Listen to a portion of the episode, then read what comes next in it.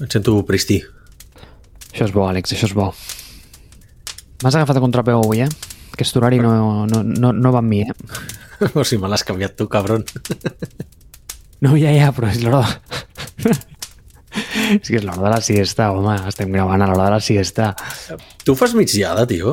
No, jo tinc bioritmes canviants durant el dia. Val. O sigui, el teu cos fa migdiada, però tu no el deixes. Bueno, o sigui, el, el meu cos...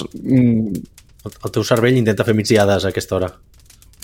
Sí, diguem que es posa en un mode de... Saps com el cotxe, que tens diversos, tens l'esport, l'efficient, doncs es posa en mode d'eficiència. Bàsicament intenta mm, minimitzar el consum de recursos a aquesta hora. I això afecta doncs, a la meva productivitat. Però un cop si ho saps i, i gestiones una mica els teus bioritmes, la vida és una mica més fàcil, perquè ja saps quina tasca et toca fer en cada moment del dia. O sigui, per exemple, jo sé que ara és la meva hora de fer coses inútils o que requereixen poca càrrega cognitiva. Exemple, contestar correus. Jo contesto correus a aquesta hora, generalment. Si tu veus que tots els meus correus s'envien entre dos i mitja i quatre, Sí. és bàsicament perquè aquesta hora és, és l'hora de la siesta del cervell. Exacte. Llavors contesto correus. No és perquè faci com allò de programar envio i enviar a aquella hora. No, no, no, no, no Ja. és perquè el meu cap no dona permís. O sigui, però en canvi, en canvi, dius, hòstia, a les 10 del matí podria contestar correus? Llavors la resposta és sí, però podria fer coses de més alt rendiment, perquè el meu cervell ja està en el seu millor moment. Llavors, mm, has d'entendre com aquests bioritmes i llavors adaptes. Tu tu t'adaptes o no als bioritmes?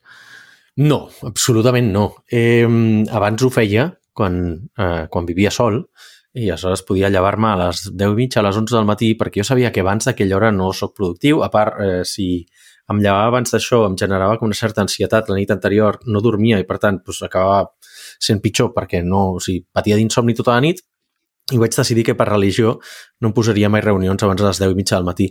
Eh, ara tinc una altra realitat, no? però, ja, però, però allò, allò, haver fet allò durant tant de temps em va permetre acabar l'insomni. I jo no en tinc, saps? Vull dir, vaig estar quasi 10 anys no llevant-me abans de les 10 del matí i miraculosament m'ha marxat l'insomni, saps? Ara puc llevar-me tranquil·lament a les 8 del matí, no passa res i no tinc ansietat la nit anterior. I... Però no faig això, i potser ho hauria de fer, eh? perquè, perquè és veritat que jo també tinc els bioritmes aquests que després de l'hora de dinar, doncs, ostres, costa més. No obstant, potser per la naturalesa de les coses que faig, no tinc reunions a les quals jo no hagi d'estar massa actiu. És a dir, sempre sóc part cantant a, la, a les reunions que faig. No? Eh, rarament estic d'oient a reunions o, o en reunions d'aquestes de, de 10 persones i tot això no, no en tinc pràcticament mai i per això no, eh, no em costa tant. Ara bé, t'he de dir que de vegades amb algun podcast he estat a punt de subar-me, eh? però no, no d'aquests. Algun podcast en el que potser hi havia dos o tres persones parlant i dir, ostres, qui, qui, qui, quin rotllo filibustero aquest, ostres, quin... no, no aguanto gens la conversa, per són les 3 o les 4 i m'està venint una son que flipes i dic, bueno, doncs, estat a punt de dormir-me algun cop, sí. És que el meu cos és superdepenent dels estímuls externs. O sigui, jo, per exemple, no em sé dormir si no estic al llit, per exemple. O igual que no puc cagar fora de casa, saps? Ha d'entendre, ha d'entendre com el lloc, saps? Què passa? És veritat, tio. Pues... Context, ha d'estar el context ben situat. Exacte, sí, sí, sí. exacte. Si no està contextualitzat, té, té problemes per adaptar-se. Llavors, doncs, eh, clar, em pot entrar molta soneta en aquesta hora, però si no veu un lloc clar i molt evident per estirar-se amb el seu coixinet i quan veu que no té els recursos, doncs diu, bueno, doncs el posem en modo ahorro i aleshores estic en modo estalvi, bàsicament. I clar, ara m'estàs demanant una tasca molt demandant cognitivament, que és el podcast, perquè té d'estar al teu nivell, que és complicat, i mm, ho estàs fent en una hora, o sigui, bàsicament estàs jugant, tio, ara ja et pots pixar sobre meu si vols, em pots torejar, pots fer el que vulguis amb mi. Podcast de migdiada, eh? Avui ja tenim títol per l'episodi. Abans de començar. Tot això, jo no, no me'n recordo de què parlem. Vull dir.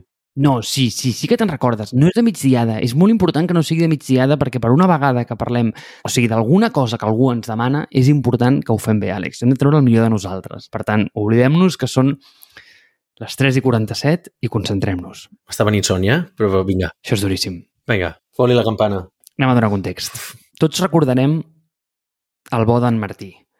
El Martí és el nostre cosí germà del podcast La Nova Mobilitat, del qual l'episodi de la setmana anterior el vam publicar en el nostre feed perquè vam aparèixer, perquè ens van convidar, perquè ells creien que sabíem una cosa o dos d'intel·ligència artificial i de com això podia conjugar dintre dels cotxes. Però bueno, al final vam acabar parlant en el seu podcast de si un Mercedes mm, t'havia de dir eh, la recepta de cuina eh, mentre tornaves cap a casa. O sigui, bàsicament vam divagar, com fem aquí, pobre, jo crec que li vam dilapidar i dinamitar absolutament el podcast. O sigui, el tio tenia un guió del qual hi havia com 7 o 8 punts i vam tocar el primer. Ja està. Vam explicar hasta un xiste de l'Eugenio, o sigui, imagina't. En dos, hores, en dos hores i quart, eh? Sí. Vull dir, hem estat dues hores i quart per, per, per fer un punt. Però bueno. Sí, sí. Bueno, i més, i més important, més important van ser dues hores i quart en una hora que, hòstia, si vols jugar amb mi i me les vols fer passar reputes, aquella és l'hora, perquè em van fotre a gravar a les 9 i mitja de la nit. Tu ja estaries dormint a aquesta hora. Sí, clar, clar, o sigui, et pots trobar les restes del Marc a aquella hora, però no, no està ell sencer compost. Jo et vaig veure molt sencer, eh? Et, et, et, et vaig veure molt sencer i molt engrescat i, i, i eres tu el que tiraves del carro, eh? Vull dir que Oh, clar, és que arriba un punt que ja, bueno, a veure, eh, també si em parles de cotxes, doncs jo anava una mica encigalat. Ja, ja estava, estava content tot. Eh? Però, bueno, en fi. El Martí em va escriure l'altre dia de vacances, perquè el Martí és un tio inquiet. Ell estava de vacances, jo no. Però crec que estava treballant ell més que jo, perquè m'estava llegint uns posts a LinkedIn i no sé quines coses mai que estava fent i tenia molta curiositat pel tema del prompt engineering. No sé com es diu això en català, Àlex, sisplau. Tu ets l'home dels catalanismes. Sí, però no a les 3.50, saps? Vull dir, no, no, no, a, no a 10 minuts a les 4 de la tarda. Eh, clar, el prompt...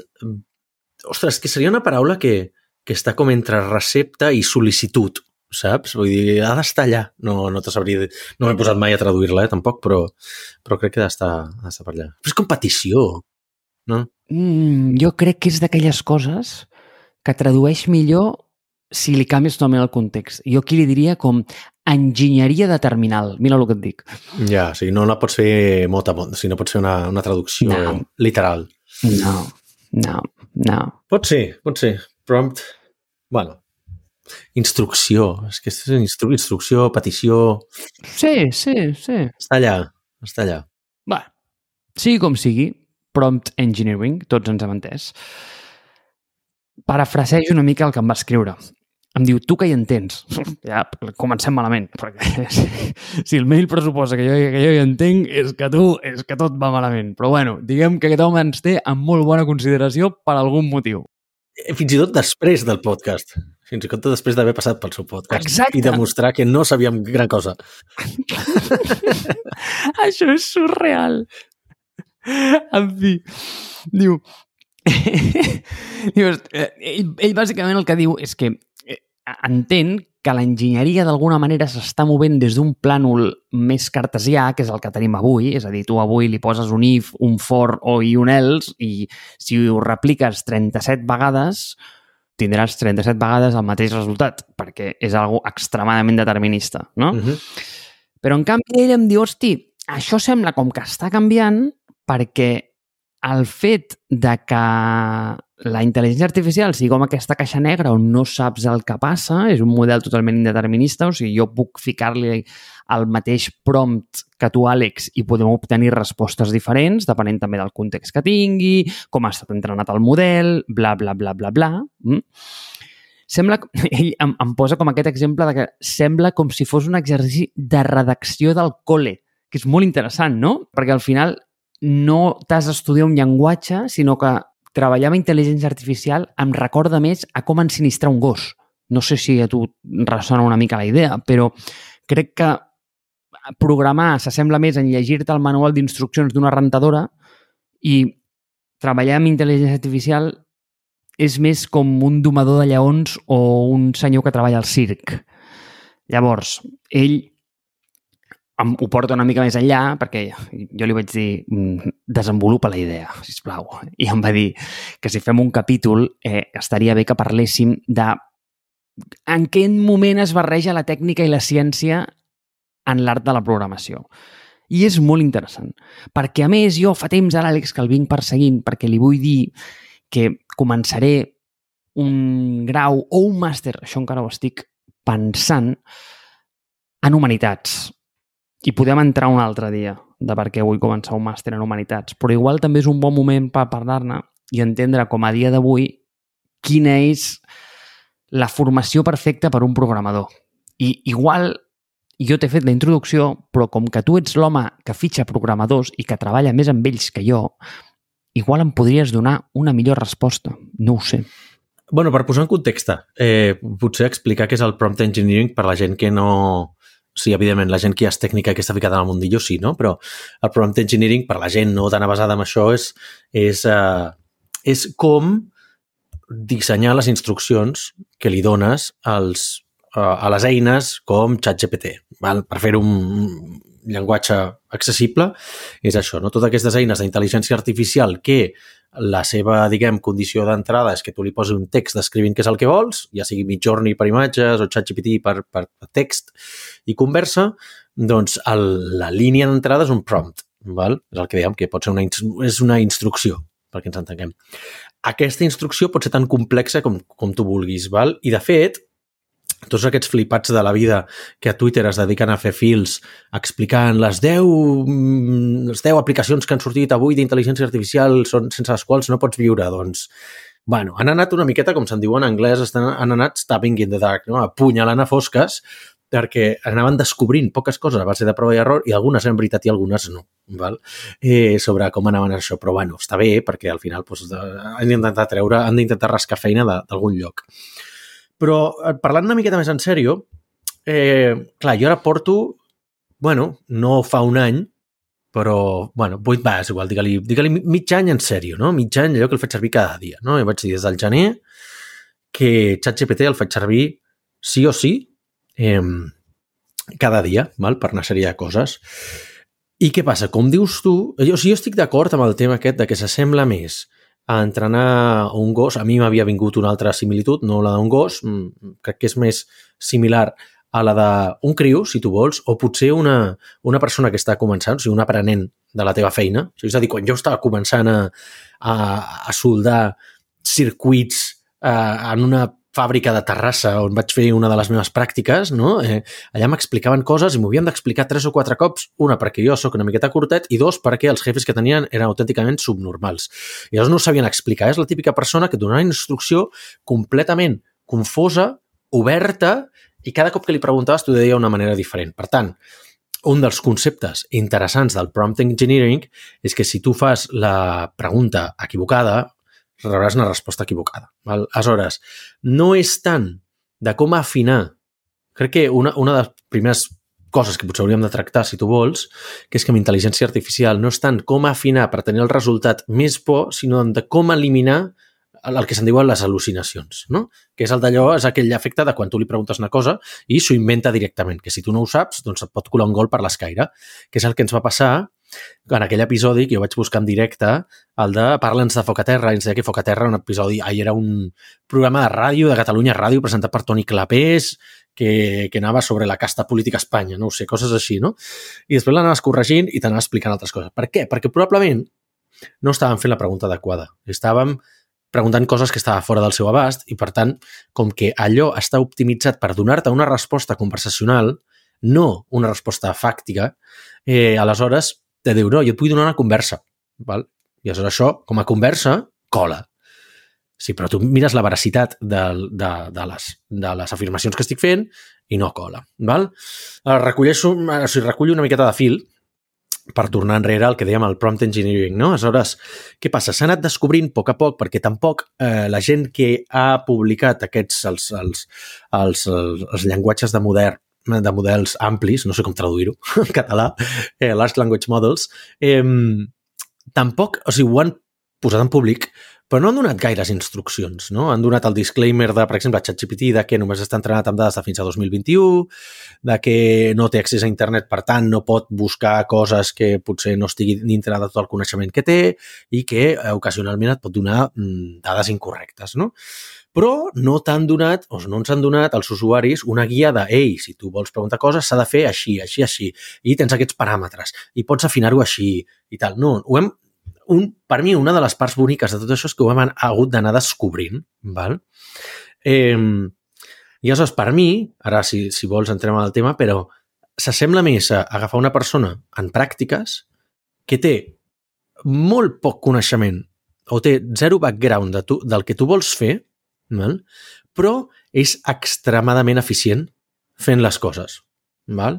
I per això tu li pots posar, escriu-me un, un post per un blog de inbound marketing i te'l genera. Però clar, tu diràs, hòstia, això no em serveix. Dius, no, clar, no li has dit la teva empresa que es dedica, quin és el teu target user, quin és el to que vols que utilitzi, eh, quin és el número de paraules, o sigui, la llargada del, del post, quina intenció de tenir, eh, um, no sé, saps? O sigui, quin nivell de coneixement has de demostrar, si té un call to action o, té, no té un call to action, si ha de mencionar a algunes empreses o no, si té una estratègia de, de link building o no, d'aquest tipus de coses, no? Aleshores, si tu li dius prompt bàsic, seria escriu-me una entrada de blog sobre inbound marketing, et farà una entrada de blog sobre inbound marketing, però és el que dius tu. Tu li preguntes exactament el mateix i segurament a tu te n'escriurà una altra. Per què? Perquè el que fa és agafar dades de tot aquest compendi, el corpus eh, amb el qual ha estat entrenat, i diu, bueno, ara mateix també té alguna, alguna el que se'n diu una seed, no? Un, una llavor de randomicitat eh, que el que li fa fer és respostes diferents perquè tu, si li preguntes sempre la mateixa cosa, no et contestis sempre la mateixa cosa, no? És aquest model indeterminístic.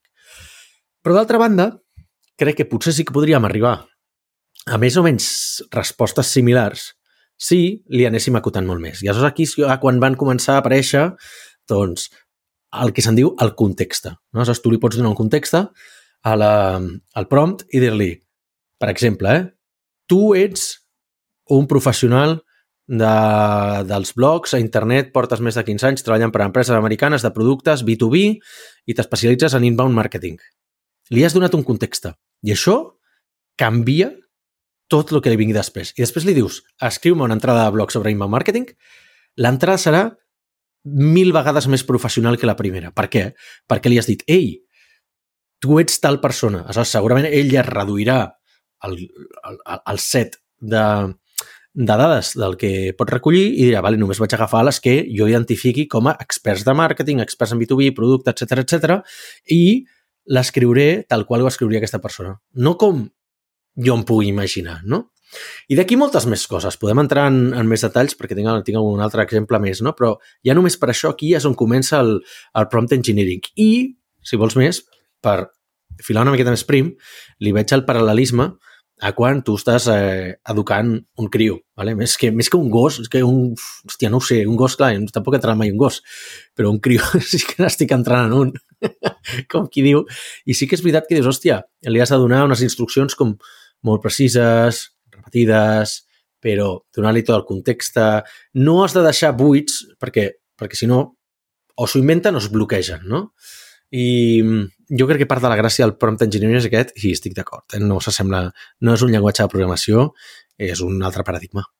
Per recapitular, anem a veure. És que Àlex, tio, quan, quan et poses seriós dius moltes coses en molt poc temps. Jo, jo estic aquí per estructurar-te els teus pensaments i que encara diguis coses millors. Jo estic entrenant, bàsicament, igual que, que entrenaria un, a un model d'intel·ligència artificial. Doncs pues a veure, en primer lloc, i ja perquè el Martí tregui la llibreta, el que veiem és que s'està perdent una mica aquest concepte de documentació i quan jo dic documentació em refereixo, clar, quan tu penses com en un bon llenguatge de programació o una bona API, que és el que té? Té una molt bona documentació, no?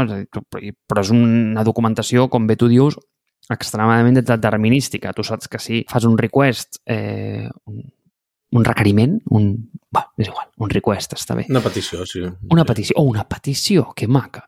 Una petició a un cert endpoint, que tampoc sé com es diu, Mm -hmm. eh, aquí t'he pillat, eh, perquè aquest no el saps. Sí, no, endpoint no tinc ni puta idea com traduir-ho en català.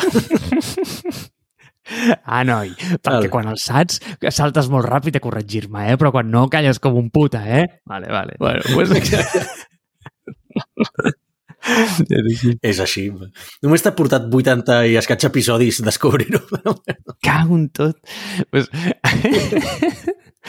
pues Per què t'està dient això? Ah, sí, exacte. Perquè aquí, bàsicament, estem saltant al buit i no tenim documentació alguna perquè no la podem tenir. És a dir, ningú ens ha posat a disposició nostra aquesta documentació i, per tant, treballar amb aquests models, diguem que s'assembla més a jugar amb el Mario Bros, no? I, bueno, doncs anar movent-te pel món i a veure què trobes. I, bueno, és que el Mario Bros és, bastant determinístic, però, bueno, l'exemple funciona, jo crec.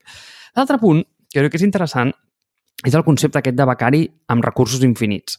Això ho hem comentat en algun altre episodi, que t'has de comportar una mica com si això fos un becari.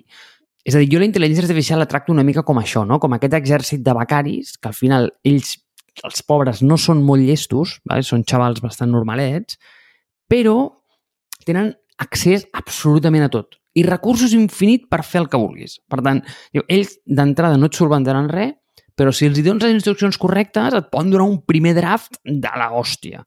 Val? I sobre això m'ha agradat moltíssim aquesta idea que tu dius de mm, personificar el, la intel·ligència, és a dir, el model. Uh -huh. Tu ets tal tio. Llavors, d'alguna manera, com acotar una mica per on camina aquesta persona o, o aquesta intel·ligència, vaja. L'únic que m'ha quedat preguntar-te és on veus tu la importància o rellevància entre el prompt del model en si i entrenar el model en si. És a dir, quant de més important és tenir un model ben entrenat que ser un tio que fa bons prompts o un model que li ha vingut donat?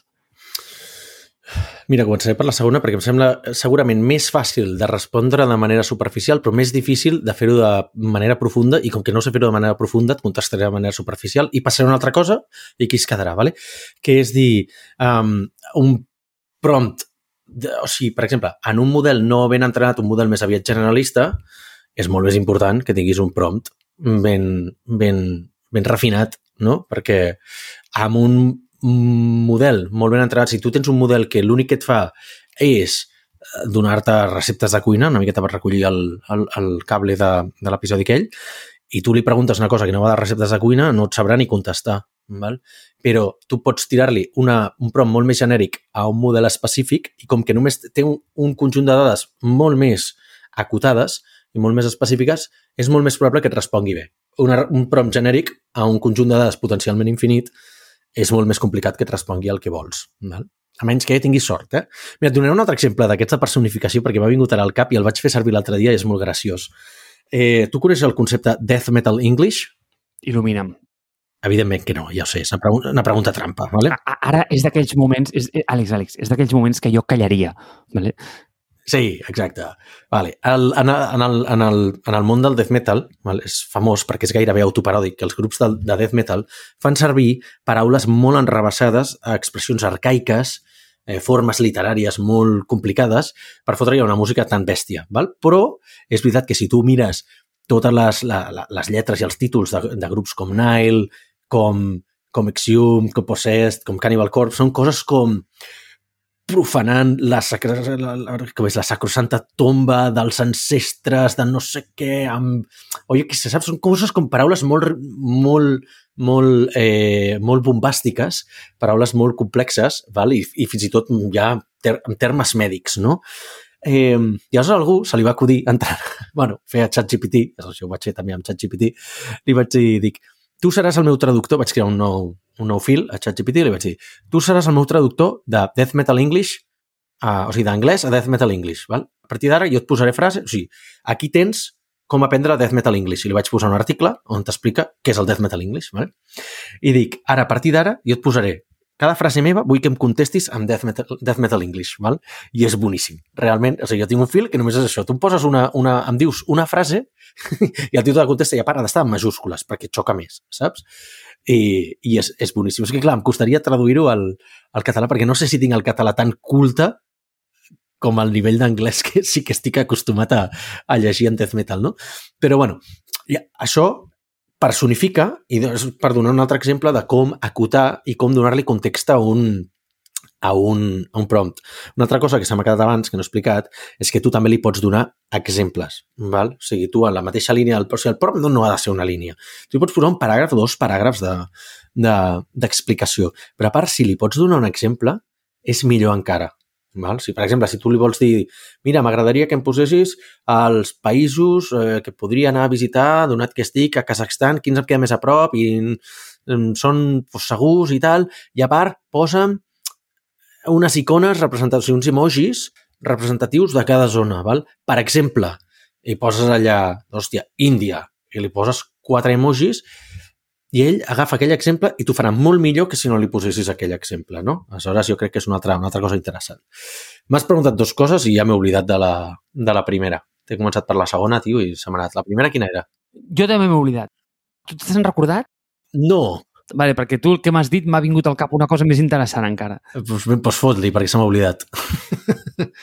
oh, fantàstic, m'encanta que se t'oblidin. Doncs pues escolta, mira, llavors, clar, és que entrenar models per mi ve per dues bandes. O sigui, entrenant models, tu, per exemple, tu pots donar-li com accés a les dades i pots entrenar-lo amb, amb un set que tu tinguis, no? Jo, jo per aquí potser anava més amb el model, però tu ara m'has aixecat una cosa sí. que jo crec que és infinitament més interessant per la gent que ens escolta, que per lo general no crec que agafi un set d'imatges i es posi a entrenar un model, sinó que amb dibuixos seus, vaja, per, per, per dir alguna cosa, eh? per dir, eh, tio, vull que pintis com jo, eh, i comences a fer com tot de dibuixos teus, li, ho pots no, fer, eh, vull dir, no, no, no és complicat, però però crec que el teu punt és més interessant, perquè crec que la gent que ens està escoltant, per lo general, segurament sí que ha fet servir alguna vegada ChatGPT. I tu, bàsicament, el que ens estàs insinuant és que tu el que podries fer és directament en cada conversa que tens l'entrenes perquè es comporti d'una manera diferent o, o, o d'una manera en concret. Jo ho tinc així, exacte. És a dir, tu utilitzes cada un dels fils que obres amb ell, bueno, amb ell gràcies igual és ella, eh? O igual és... Mm, no ho sé què és, és indeterminat. Ell ell, doncs el que sigui ell, el que sigui, vale, el xat GPT, tu l'entrenes en cada un dels fils perquè respongui d'una manera diferent. I per entrenar-lo has dit que li expliques coses, li poses exemples i inclús li has dit que li poses links a pàgines que vols que consulti. Imagina't que anem a fer un exemple pràctic, vale, Àlex? Ara, mira, a mi, hosti, jo li dedico igual dues hores cada dia, ai, cada dia, Déu volgués, cada setmana a crear les notes dels episodis de Foc a Terra. Ara imagina't que vull suplantar la meva càrrega de feina i identitat amb un model entrenat. I que bàsicament el que vull fer és que li vull passar l'àudio i li vull dir, tio, amb això, amb, o la transcripció, vaja, i li vull dir, mira, treu-me les notes d'episodi. De, tu creus que jo li podria passar el feed de RSS i dir-li ei, aquestes són les notes d'episodi que he publicat fins ara, vull alguna d'aquest estil? O fins aquí tant no podríem arribar? Sí, um, amb ChatGPT no, perquè té una sèrie de limitacions en quant als caràcters que li pots enviar. Val? O sigui, tu no li pots enviar 50.000 paraules de cop perquè té un límit no, de tokens que accepta a cada, a cada prompt. No? I també em sembla que té per hora, etc etc. Sé que si ho fas per API potser és més alt que per la interfície web, no ho sé, no he fet eh, jo proves al respecte, però jo un cop vaig intentar fotre-li un contracte, val? perquè vaig dir, hòstia, resumeix-me aquest contracte per veure de què collons va, perquè val? o textos molt llargs, i patava per això, no? Diu, no, no puc acceptar més de, no me'n recordo si hi 5.000 caràcters per, per prompt, ¿vale? que tampoc és tantíssim, considerant que un caràcter és una lletra, un espai. ¿vale? Eh, per fer-ho així, segurament el que hauries de fer és o agafar una altra, una altra eina, que n'hi ha moltes, i tots acaben anant a ChatGPT perquè és la que tothom coneix, però no és ni de llarg la més bona, evidentment, però és la més accessible, la més convenient, i amb això guanyen. Val? O sigui, amb això a mi em tenen guanyat per moltes coses. Val? Però segurament hauries d'anar a algun altre que t'accepti eh, textos més llargs, val? que també t'accepti, perquè ChatGPT em sembla que el de que pugui tenir accés a internet és de pagament, perquè faig servir el, el ChatGPT Plus, eh, tu li passaries un enllaç, potser jo faria dels, no sé, agafaria com 10 episodis només, no sé si de tots, no sé si val la pena, però 10 episodis i dir, mira, aquí estan les notes de l'episodi del, de Foc a Terra. Aquest és el nostre estil. Jo sóc un dels eh, presentadors del programa i m'encarrego de fer aquestes, eh, el que se'n diu, doncs això, no? les, les notes d'episodi, però vull que a partir d'ara ho facis tu. Ara et posaré un transcript, no? el, el, perquè a l'arxiu d'àudio a ChatGPT no li pots passar, però hi ha eines que t'ho converteixen això a text i li passaries el text, de fet, amb, amb RSS. Com ho feu? El català el pilla bastant malament, he de dir, eh? Però hauríeu de fer servir Happy Scribe. a veure si us poseu d'acord. Eh, I aleshores li passaries la transcripció i automàticament t'ho faria. No t'ho faria al mateix nivell que ho fas tu, però jo ho has d'assumir, que és així. Igual que un becari, una persona menys sènior que tinguis contractada mai farà la feina igual que tu però tu has d'entendre que allà hi ha un cost d'oportunitat en què segueixis fent-ho tu, no? Allò que et diu la gent sempre de, és que clar, perdo més temps explicant-li i corregint-lo que fer-ho jo. No, a la llarga no. A curt plaç sí, però eh, tu saps que si no inverteixes en l'educació d'aquesta persona, en el seu entrenament, doncs no ho acabarà fent bé. Aleshores, no sé, eh, eh, això és com dir-li al, al teu fill no, deixa-ho, ja t'ho escric jo, els deures al col·le. No, home, no, saps? Vull dir, has d'invertir perquè és una, és una inversió a llarg plaç, saps? O a mig, a mig plaç, si tu vols. Doncs aquí és exactament el mateix, no? Eh, jo crec que et treu, el, o sigui, t'arriba un 90 i llargs per cent de precisió i de semblança, com més dades li donis d'entrada, millor ho farà, però bueno, amb ChatGPT jo ho veig complicat. O sigui, hauries de, hauries de treballar molt el tema de trossejar els, els textos, costaria massa, no té memòria, de fet, no et garanteixen que tingui memòria uh, ChatGPT, per tant, aquest tipus d'operacions es fan complicades, recomanaria una altra eina. Però sí, amb altres eines podries fer-ho i faries perfecte. Frena un moment, frena un moment, perquè, mira, just el que has dit és el que em porta a mi al punt del anterior, que és el de m'has comentat, home, és que igual no ho faria exactament igual de bé, no? Vull dir, igual seria un 90%, igual és, eh, i m'has dit, és l'output que et donaria un becari. És que aquest és exactament el meu punt. És a dir, tu ja saps que el que sortirà d'allà serà un treball de becari. No sempre, eh? No sempre. No, no, no, no, no. En el, jo crec que és en el pitjor dels casos el treball d'un becari. Vale, en el pitjor dels casos, ok. Però a mi això ja m'està bé, perquè què és el que més costa? El que més costa és posar-s'hi, passar de 0 a 1 és a dir, jo a vegades tinc una pila de papers sobre la taula que sé que tinc que lidiar amb ells i, hòstia puta, no ho començo perquè em fot una mandra de collons. Però un cop m'hi poso penso, ai, macho, que és fàcil això, com, ojalà ho hagués fet abans, saps? Això és la història de la meva vida. Si tu em dones un text ja formatejat, amb les notes i tal, no sé què, i jo veig que no, que, que és això, el que tu dius, 80%, eh, està bé, diu, a tots ens encanta corregir merda. A tots ens agrada dir que els altres ho fan malament. Doncs pues ja està. Eh, eh, tu passa'm un draft mig mal fet, que jo et donaré un draft ben fet més ràpid que si l'hagués tingut que començar de zero. Perquè començar a zero em fa mandra i postpone, postpone, postpone, saps? Eh, i, I costa molt, no? Llavors, per altra banda, ja que tu m'has tret el concepte o m'has matat el gos allà al terra, pobret, i m'has tret el fill, ara m'has de contestar la pregunta de si tu tinguessis un fill que ara s'ha de posar a estudiar, si volgués ser programador, què li diries? Què ha d'estudiar aquest noi? Vale, puc començar fent un petit incís una cosa que has dit al principi, crec que hem sudat completament, que era part de la premissa de l'episodi, que era la de... Eh, eh, per estudiar, o sigui, que volies estudiar humanitats per acabar d'entendre més no? aquesta relació també amb la tècnica i potser amb, amb els temes del prompt engineering, jo crec que una de les coses que, que no he parlat és en el, en el refinar el prompt. Vale? Per exemple, posaré l'exemple de Midjourney. Vale? Perquè jo no estic fent servir gaire Midjourney per generar imatges, perquè no tinc els conceptes d'imatges. No? Crec que per generar bones imatges a Midjourney has de ser o il·lustrador o fotògraf. Val? Llavors aquí, per arribar a lo bàsic, és veritat que hi ha gent que, hòstia, mira quin unicorn més maco que he fet. bueno, és igual, estan una miqueta de potra, però si tu vols ser les bones imatges, el que estic veient gent que escriu uns prompts de l'hòstia amb conceptes que jo no entenc, no? Uh, doncs il·luminació, perspectiva, distància focal, tipus de càmera... Li estan posant tot això i com que Midjourney entén aquest tipus de coses, entén que si tu li poses que la foto vols que sigui amb una Sony no sé què, no sé quantos, amb una distància focal tal, amb una il·luminació d'aquest tipus i amb un angle de no sé quantos i no sé, saps? Vull dir, coses que jo no sé ni si tan sols són paràmetres o m'ho estic inventant, com obturador, saps? Eh, ho estan posant allà, però jo no tinc aquest coneixement sectorial. Aleshores, no arribaré mai a polir tant i a refinar el prompt com per poder tenir aquests resultats que són magnífics, val? són excelsos. Aleshores, tornant a això, segurament acabarem arribant a un moment de, de, de, de, dels usos dels, dels Large Language Models en els que la gent que estarà més entrada... O sigui, fins ara tothom li ha donat bastant bon resultat ser un noob, vale? un principiant. Per què? Perquè com que tothom estàvem descobrint, més o menys en poc que fessis tenies moltíssim resultat. Què passa? Ara el mercat ja està saturat. Ara ja tothom et fa uns prompts de l'hòstia. No? Els millors prompts, qui els farà? Els especialistes. I els fotògrafs que havien perdut tot el terreny perdut, eh, o sigui, tot el terreny que tenien ara, perquè ara d'aquí volta doncs, la gent està generant les seves fotografies a Midjourney, recuperaran el terreny perdut dient ja, però tu no saps com van aquestes coses, tu no saps com va eh, doncs això, no? la perspectiva, il·luminació, l'angle, els guantos, la, uh, aquests paràmetres que ells porten anys i panys fent servir amb les seves càmeres, que les posen a mitjorni i ref, uh, reflecteixen exactament el que volen en aquella foto. Val? És a dir, poso un altre exemple.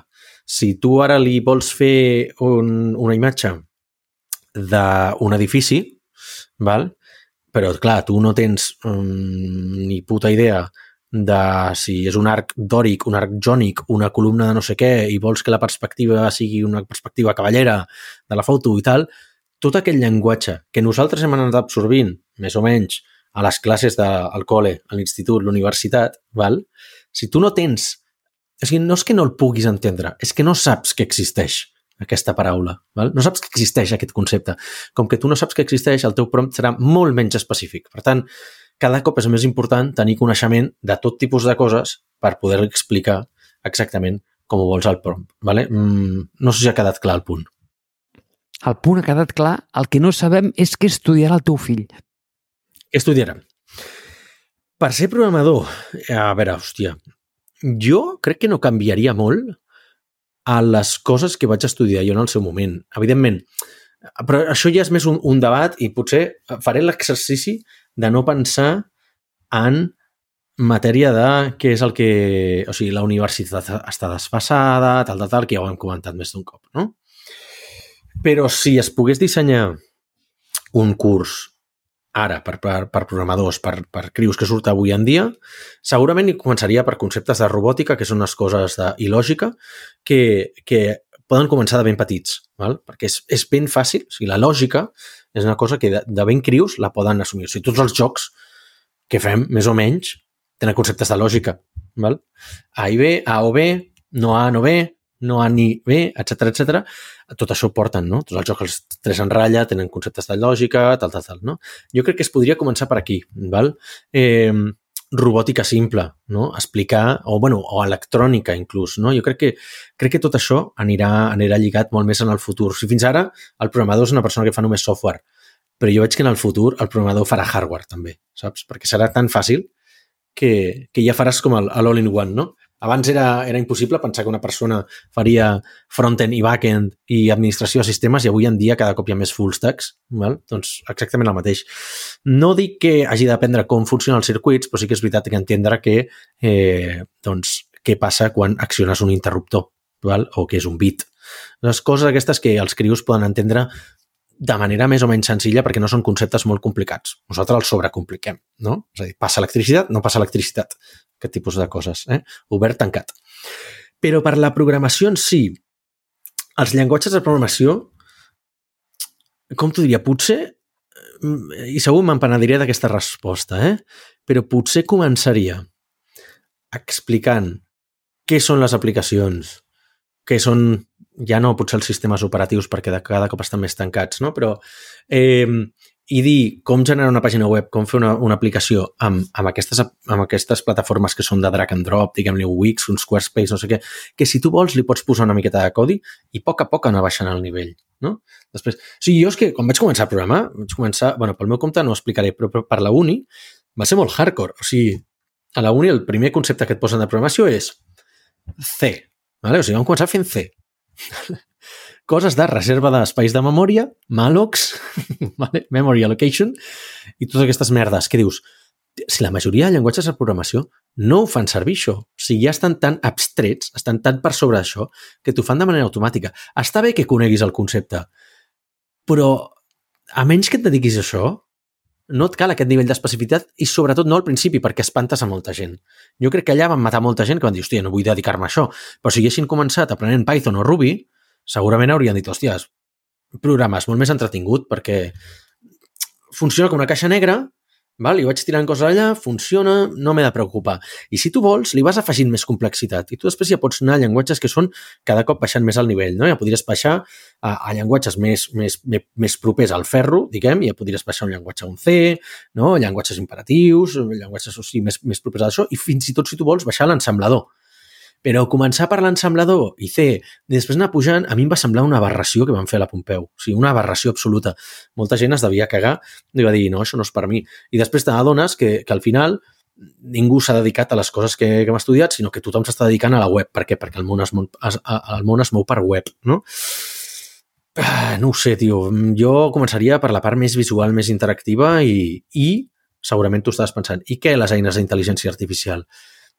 És que ja ho vam dir en un altre episodi, tio. Jo crec que les, les eines d'intel·ligència artificial ara és graciós veure-les i tocar-les, però l'autèntica revolució és eh, que aporta la intel·ligència artificial és quan tu no saps que l'estàs fent servir la intel·ligència artificial. És aquella que ja fa 10 anys que estem fent servir, val?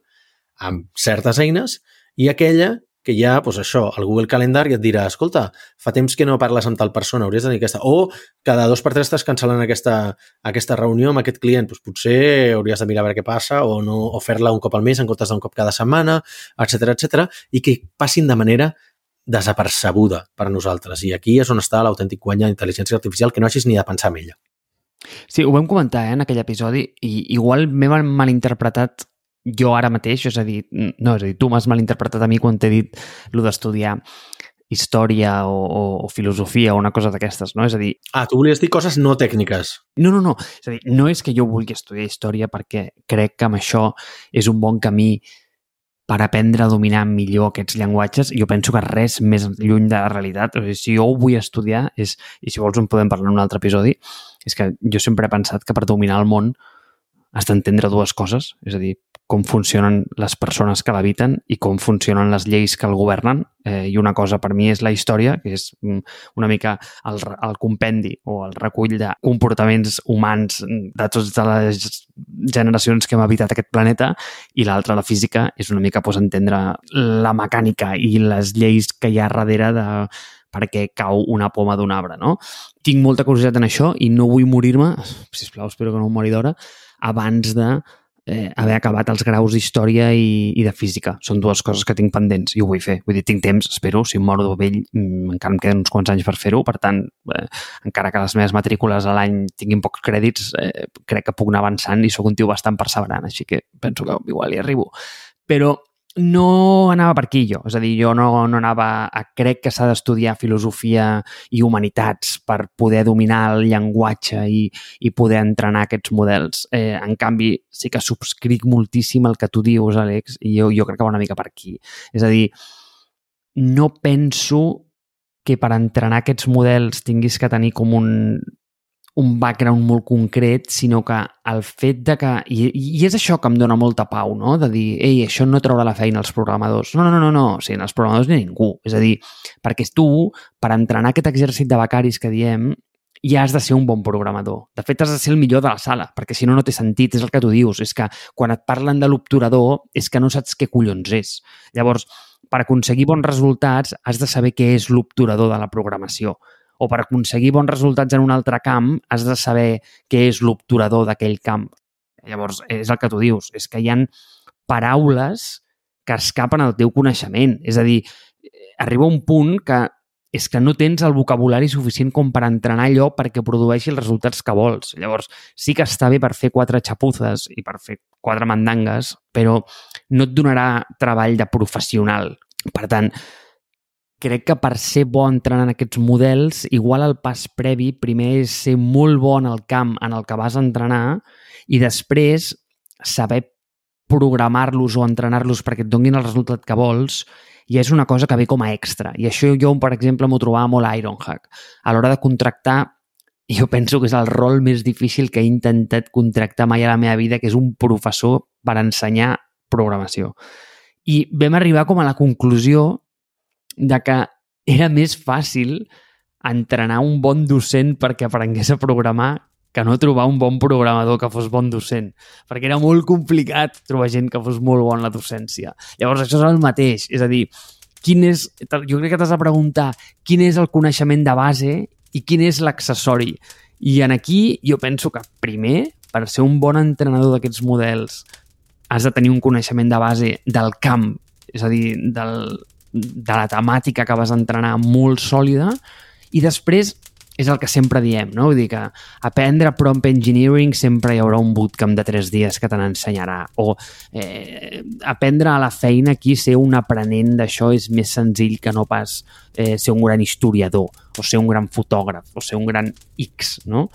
I mm, és interessant. Llavors, que sàpigues, Àlex, que el que faré serà que intentaré posar en pràctica els teus consells de prompt engineering per aquest episodi en concret i em poso dos deures. Els primers és fer les notes de l'episodi 100% amb una eina d'aquestes, no sé quina exacta, no tinc molt clar quina faré servir, així que a veure si passen el test de l'Àlex.